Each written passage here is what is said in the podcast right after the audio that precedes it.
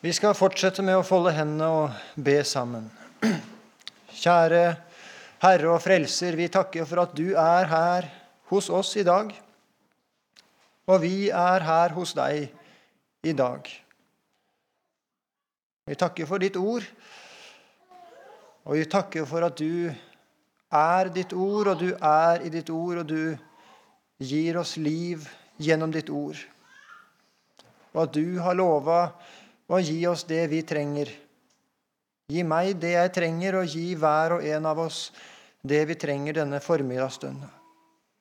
Det vi ikke er i stand til å gripe med fornuften, og det vi ikke er i stand til å forstå, det gjør du, og det er du. Stell med oss, du, Jesus. Vi takker for syndenes forlatelse. Vi takker for at du fortsatt etterjager oss med din nåde. Og så ser du, her er vi samla, en flokk syndere. En flokk i oss hjelpeløse syndere som må frelses, og som må bevares, og som du må holde nær deg. Hvis ikke, så, så går vi fortapt. Ta det av oss, du Jesus. Det ber vi om. Amen. Vi skal lese sammen evangelieteksten for i dag, Johannes 17, 1-8. Det er Jesu forklarelsessøndag, eller forklarelsessøndag. Og her, denne teksten, og i dag, så, så møter vi Guds person og vesen, sånn som i resten av Bibelen. Og vi får vite noe vi ikke kan få vite noe annet sted. Vi får vite noe som mennesker ikke på noen måte kan tenke seg fram til, ikke på noen måte kan forske seg fram til eller granske seg fram til, oppdage gjennom naturen eller sin egen tanke eller sin egen fornuft. Det må åpenbares, og det er Gud som åpenbarer det hos seg. Det er altså ingen menneskelig visdom som kan gi oss dette som Gud her gir oss i sitt ord. Her viser han, han åpenbarer. Han skrur på sitt åndelige lys, så vi kan se hva vi i vårt mørke ikke kan se. Fordi, ja, fordi han er Gud, og vi er mennesker. Så når et menneske velger å ikke tro dette, eller ikke har hørt om dette, så vet dette mennesket ikke hvem Gud er. Og det vet heller ikke hvem det selv er. For et menneske kan bare se seg sjøl sant når det ser, det, ser seg sjøl i Guds lys. Og for det naturlige mennesket er det en foraktelig tanke. At jeg i meg ikke engang vet hvem jeg er. Men det gjør jeg ikke. Hvis ikke Gud forteller meg det. Og jeg vet i hvert fall, hvis jeg bruker det uttrykket, selv om det også er feil, i hvert fall ikke hvem Gud er. Men begge deler er helt fremmed. Skal vi lese sammen Johannes 17? Det er jo starten av den ypperste prestelige bønn. Dette talte Jesus, og han løftet sine øyne mot himmelen og sa, Far, timen er kommet. Herliggjør din sønn for at din sønn kan herliggjøre deg.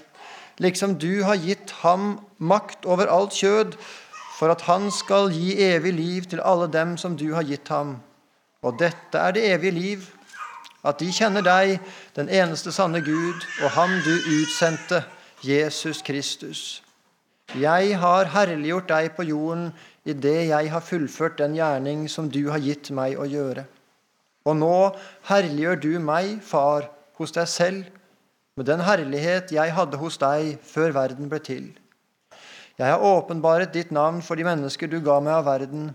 De var dine, og du ga dem til meg, og de har holdt ditt ord. Nå vet de at alt det du har gitt meg, er fra deg. For de ord som du ga meg, har jeg gitt dem. Og de har tatt imot dem og kjent i sannhet at jeg er utgått fra deg. Og de har trodd at du har utsendt meg.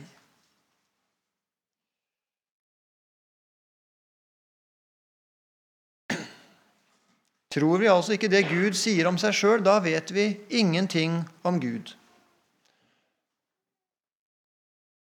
Og det er det store, store problemet med bibelkritikken. Når mennesket setter seg over Gud og Guds åpenbaring, da vet de ingenting om Gud. Da har de ingen anelse om noe som helst, verken om Gud eller hva som er sant, om noe som helst.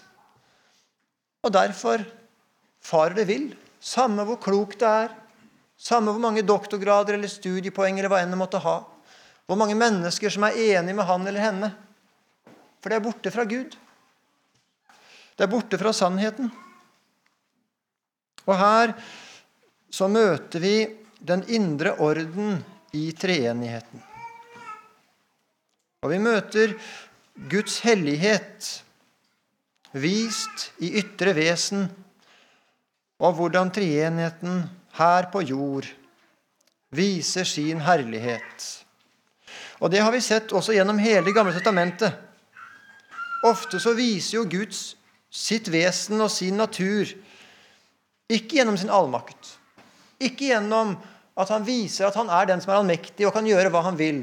Men han sender en profet, foraktet, mislikt av mennesker, og som sier det som folk ikke vil høre. Han er ingen etter menneskelig tanke stor pedagog.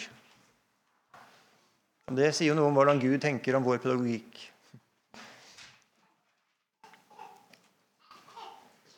Men Gud er Gud.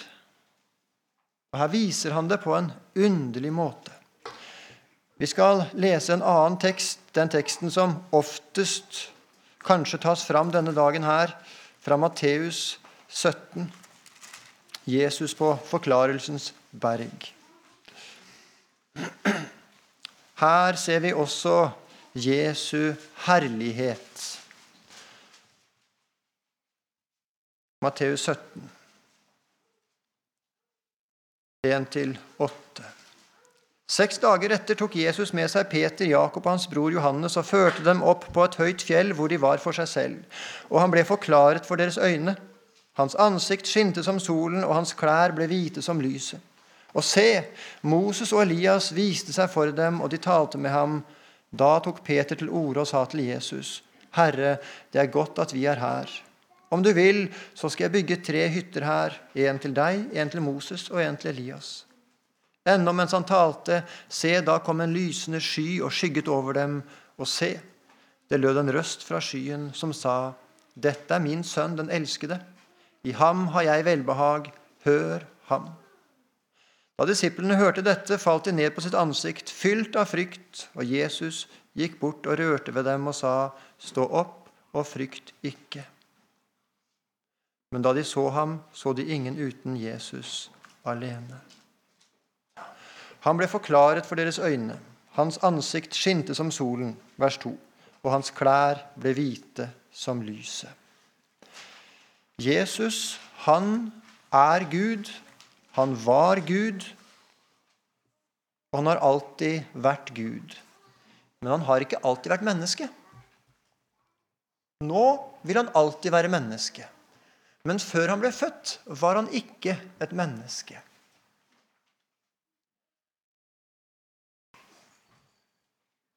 Vi skal stanse litt ved troslære i dag. Jeg har tatt med meg Øyvind Andersens troslære i dag, den bør dere lese. Den bør dere ha i bokhylla. Nå er det noen elever som smiler her. Ja, det bør dere. Den er, den er god, den er nyttig. Dere behøver ikke lese den fra perm til perm sånn i kveld, men, men, men bla i den. Les i den. Bruk den. For her møter vi nemlig Ja, det er feil å si en forklaring, men en innsikt i Guds ord i nettopp også disse tingene. Og Vi skal stanse litt ved inkarnasjonen, altså det at Gud blir menneske. Gud han ble menneske da Jesus ble født. Det har vi akkurat vært samla om til jul. Og så får vi se her og det skjedde 100% Han ble ikke litt menneske litt etter hvert. Nei, han ble helt menneske.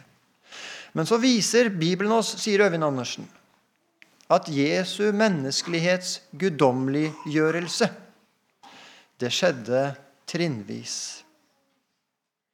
Altså at han, han både har guddommelighet, og samtidig trinnvis så blir hans guddommelighet gitt. Og Vi kunne lest det. Han, det siteres fra Johannes evangeliet. Jeg herliggjør ikke meg selv. Det er min far som herliggjør meg. Og Før sin lidelse så sier han, nå er menneskesønnen herliggjort, og Gud er herliggjort i ham. Er Gud herliggjort i ham, så skal også Gud herliggjøre ham i seg, og han skal snart herliggjøre ham. Han er Gud, og samtidig så herliggjøres han. Samtidig. Og du og jeg, vi skjønner det ikke, for det er ikke mulig å skjønne det. Men det er sånn likevel. Her har vi Guds vesen. Her har vi Guds natur. Og dette samme får vi se her på Forklarelsens berg. Vi skal snart stanse ved det som kalles kenosen at han uttømte seg selv. Han er den evige Gud. Og Samtidig så er det noen ganger vi får se det i det ytre. For, for i det ytre så ser vi at i det vanlige så var han foraktet. Ja, vi leser i Jesaja 53 ikke sant? hvordan han var foraktet. Hvordan menneskene så han var syk. Menneskene så ned på han.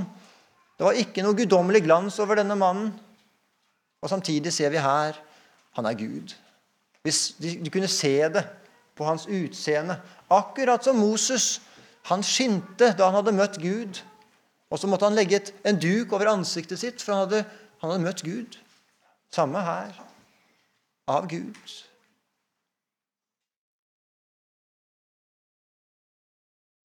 Uttrykket Kenose, altså at han uttømte seg selv, det har vi fra Filippebrevet 2,7, hvor det står han uttømte seg selv. Han var, fra, han var i evigheten før han ble kjød, så var han Faderens fulle like. Av samme vesen som Faderen, i fullkommen sideordning i treenigheten av Fader, Sønn og Ånd. Og så kom han til jord og under sitt jordeliv så var han Faderens sendebud, og han var en tjener i fullkommen underordning. Gud og fullkommen underordning. Ja, dette går ikke an for din og min tanke å gripe, men det var sånn likevel.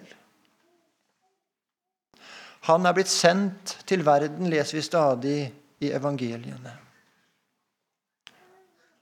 Og han be han beskriver jo at Faderen, som er større enn alle, også er større enn jeg. Og vi møter at han underordner sin vilje under Faderens. Hans lære, den er Faderens. Hans tale, det er lydighetsgjerning mot Faderen. Han søker ikke sin ære, men Faderens ære. Han er ikke kommet av seg selv, altså ikke egenmektig. Noen er her i dag fordi det er kommet av seg selv, og noen er ikke kommet hit av seg selv. De har blitt dratt hit, sendt hit. På samme måte ble han sendt hit til jord. Han han underordnet seg. Og Faderen, han sendte sin sønn, født under loven, og idet han trer inn i verden, sier han, sier Jesus, se, jeg kommer for å gjøre din vilje, Gud. Jeg er dertil født og dertil kommet til verden at jeg skal vitne for sannheten, altså tjene. Fra det øyeblikk han ble født i kjød, så var hans liv, var Kristi liv, et liv i fornedrelse, et liv i lidelse, i tjeneste og underordning. Et kjærlighetens liv i fullkommen selvhengivelse under Faderens vilje og menneskenes forløsning. Så sier Øyvind Andersen dette liv spenner og favner så vidt at det både åpenbarer Guds sanne vesen og fulle herlighet, og når ned til den fornedrelsens avgrunnsdype elendighet som gjør at Skriften sier at han ikke hadde noen skikkelse, men var foraktet og forlatt både av Gud og mennesker. Hans person inneholder og framstiller Guds fyldes fulle herlighet. Og atter åpenbares Han som den som ingen herlighet har. Her møter vi Guds samtidighet på en uforståelig måte, men likevel en samtidighet.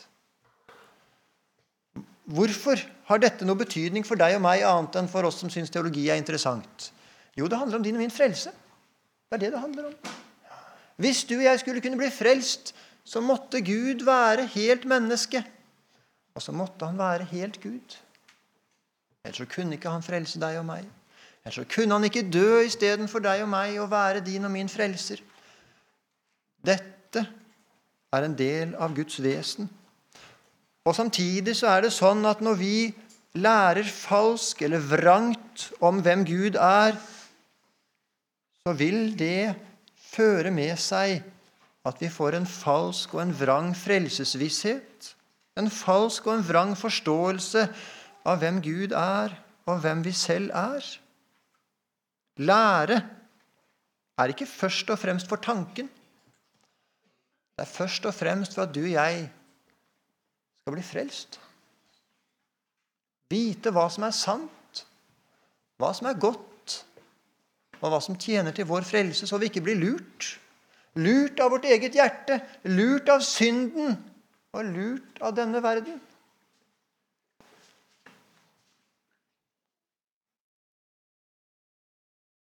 Så sier Øyvind Andersen videre Våre forsøk på å beskrive dette er meget hjelpeløse, og vi makter ikke å legge det til rette intellektuelt.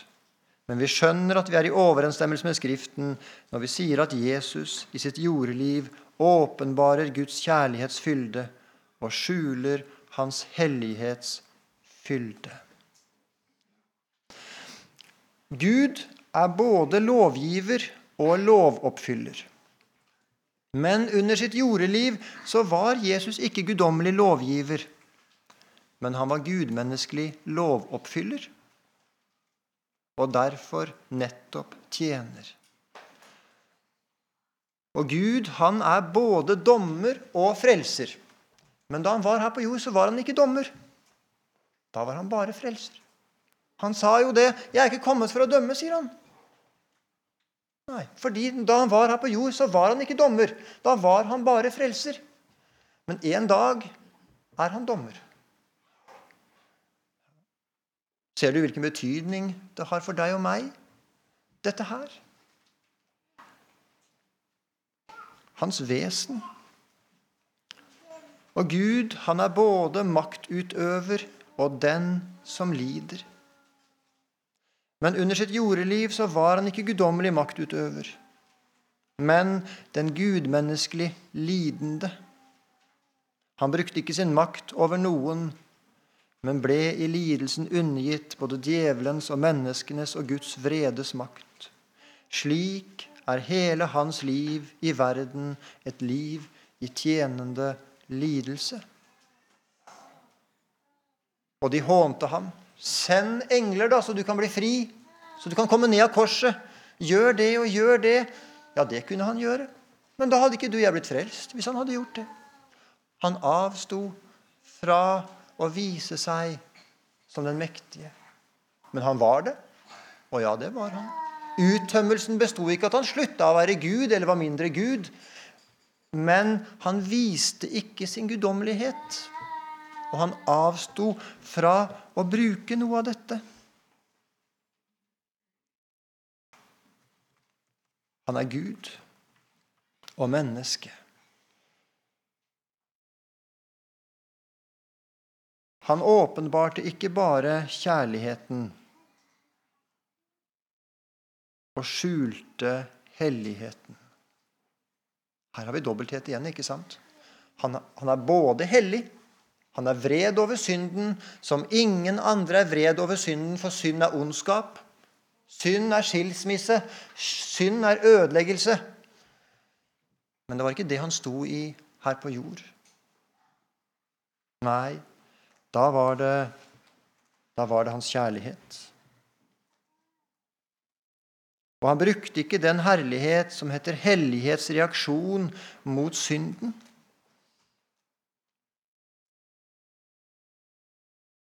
Men vi ser hans kjærlighet. Og Så sier Øyvind Andersen igjen vi må som sagt innrømme at vi kommer til kort intellektuelt overfor Jesus' sanne bilde. Logikk, systematikk, tenkning, begreper, bilder, analogier alt kommer til kort. Bare ikke Guds enkle ord. Det er klart, lettfattelig, gjennomsiktig og meget konsekvent. Det tar ikke hensyn til det som er logisk sett tenkbart. Det har bare for øye Guds nåde og herlighetsrike og herlighetsfyldes virkelighet. Det er godt at vi alltid kan gå til ordet for å se Jesus, og ikke skal være henvist til mer eller mindre intellektuelle og teoretiske betraktninger om Han. Ingen er som Gud.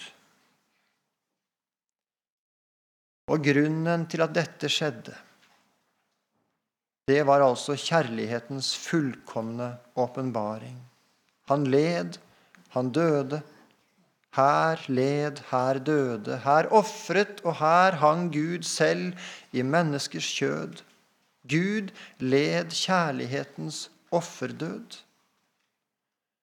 Med denne fornedrelse nådde selvuttømmelsens seg sitt, sitt ytterpunkt inntil han ikke hadde skikkelse og ingen herlighet. Han hadde ikke et utseende så vi kunne ha lyst til han. Gud ble forlatt av Gud. Guds sønn sier til Gud Fader, min Gud, min Gud, hvorfor har du forlatt meg? Gud i kjød døde bort fra Gud. Gud gjorde Gud til en forbannelse i synderes sted. Guds hellighet krevde Guds kjærlighet til soning for verdens synd. Gud gikk i kjærlighet inn under Guds vrede. Og av denne dype adskillelse og selvhengivelse, uttømmelse og selvfornedrelse hos Gud strålte ut over en fallen og fortapte verden nåde over nåde. Guds storhet viser seg ikke at han viser seg med et ansikt som gløder, men viser seg i Hans nåde mot syndere. Mot den synder som ikke fortjener nåde. For det fortjener vi jo ikke. Det er jo derfor det er nåde. Guds kjærlighetsvesen er at han tar deg inn til seg, og så sier han, 'Kom til meg, du som har ødelagt alt.' Du som ikke evner å være en kristen. Deg som det ikke er rett med. Du som sitter til og med på møte her og tenker på alt annet. Kom inn til meg. Det er jeg som er din frelse. Du skal ikke frelse deg. Det er jeg, sier Gud. Og jeg har ikke bare vist det, sier Gud, men jeg har gjort det som skal gjøres til din frelse. Derfor kom han til jord. Derfor skjedde dette for deg, i ditt sted, for at du du som er en ugudelig, skal kunne møte den tre ganger hellige Gud i Hans nåde.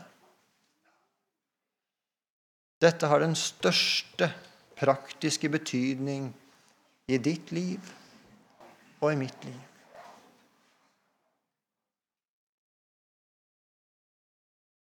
Denne herligheten som de så denne herligheten som de møtte. Ja, den, den har vi jo fått beskrevet f.eks. i 1. Johannes brev 1, 1-4. Det som var fra begynnelsen, det som vi har hørt, det som vi har sett med våre øyne, det som vi betraktet og våre hender rørte ved, om livets ord. Og livet ble åpenbart, og vi har sett det, og vitner og forkynner dere livet, det evige, som var hos Faderen og ble åpenbart for oss. Det som vi har sett og hørt, det forkynner vi dere, for at også dere kan ha samfunn med oss. Og vårt samfunn er med Faderen og med Hans Sønn Jesus Kristus. Dette skriver vi til dere for at deres glede kan være fullkommen. 2. Peters brev 1, 16-18.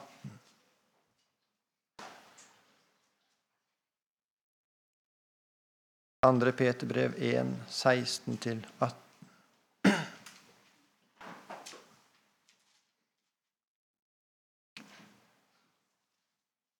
For det var ikke kløktig uttenkte eventyr vi fulgte da vi kunngjorde dere vår Herre Jesu Kristi makt og, og gjenkomst. Men vi hadde vært øyenvitner til Hans storhet. For han fikk ære og herlighet av Gud Fader da en slik røst lød til ham fra den aller høyeste herlighet.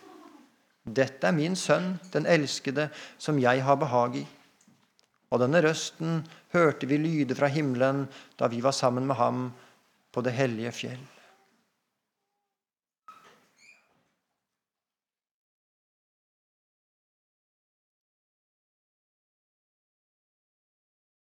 Når vi skal si noe om Gud, så er den eneste måten å tale sant om Gud på, det er å bruke Bibelens ord.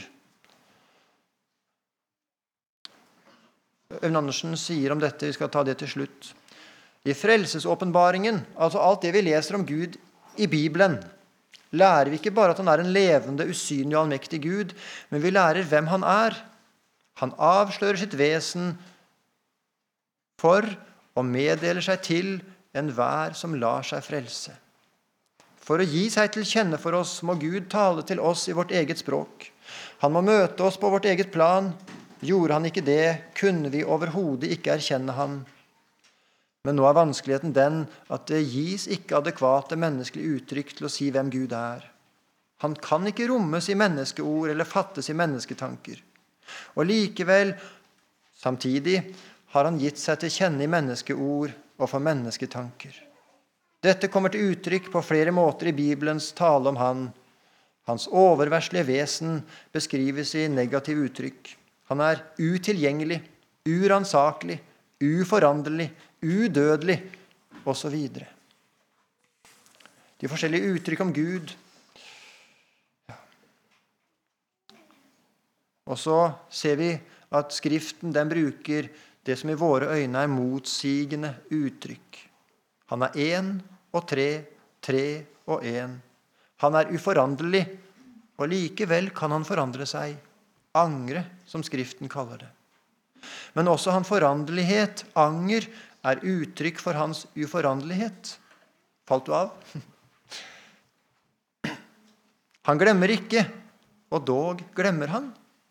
Han kan ikke rommes i tiden, og dog åpenbarer han seg i den. Skjønt det ikke er forskjell på vesen og egenskaper i Gud, han er én og udelelig, taler Skriften om forskjellige egenskaper hos Gud. Han er allvitende, allmektig, allestedsnærværende. Han er hellig, vred, streng, kjærlig, god, langmodig, mild og nådig. Samtidig. Samtidig. Dette er Gud. Og vi, vi kan ikke romme Gud. Vi kan ikke forstå Gud. Men det er heller ikke vår oppgave å forstå Gud. Vi tror Han. Det er derfor vi bekjente akkurat i stad. Jeg tror Gud. Sånn Gud sier han er, sånn tror jeg Gud er. Og så er dette min Gud. Du og jeg, vi skal få lov til å legge alt vårt inn under Gud og bekjenne for Han jeg tror deg, Gud.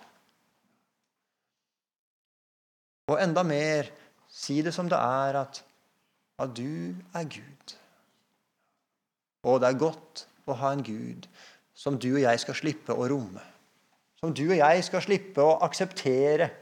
Det er jo det det er så kamp om i våre dager. At, vi, at Gud skal være sånn at vi kan akseptere han, at, at, vi kan godta han, At han kan passe inn i hva vi syns er rimelig, hva vi syns er greit. Og hvis den ikke er sånn Nei, den Gud vil ikke menneskene ha. Men Gud er ikke en sånn Gud som skal aksepteres eller passe inn. Gud er Gud. Og Derfor kan du og jeg heller ikke forstå ut fra menneskelig tanke hvem Gud er. Men vi skal bøye oss for hva Bibelen sier om hvem Gud er. Legge oss inn under det. Være tro mot det Bibelen sier. For der er Gud, og der, der er også freden. Og det underlige er jo at der er frelsesvissheten også. For der er det et anker bakom forhenget. Ja, ikke et anker i ditt og mitt liv, men et anker bakom forhenget, inn i Guds hjerte. Og så tror vi at det Gud sier, det er sant. Og det er det eneste stedet at det kan være frelsesvisshet for en synder. Fordi Gud sier at du er en synder. Og så sier han at han er den som frelser den ugudelige. Det går opp, ser du det? Selv om det ikke går opp i det hele tatt. Det er et under. Kjære Herre og Frelser. Vi takker for at ditt ord er sant. Og vi takker for at du vil at vi skal bli frelst. Og så ser du, Jesus, hvordan vi stoler på vår forstand. Vi stoler på vår fornuft. Vi stoler på våre følelser. Vi stoler på hva det er vi kan frembringe av det ene eller det andre. Og så ber vi Jesus om at du må gjøre oss sanne. Sånn at vi legger, oss, legger av alt dette og tar vår tilflukt til hva du sier. At du er den som frelser. Og du, og du bevarer ditt ord i våre hjerter. Amen.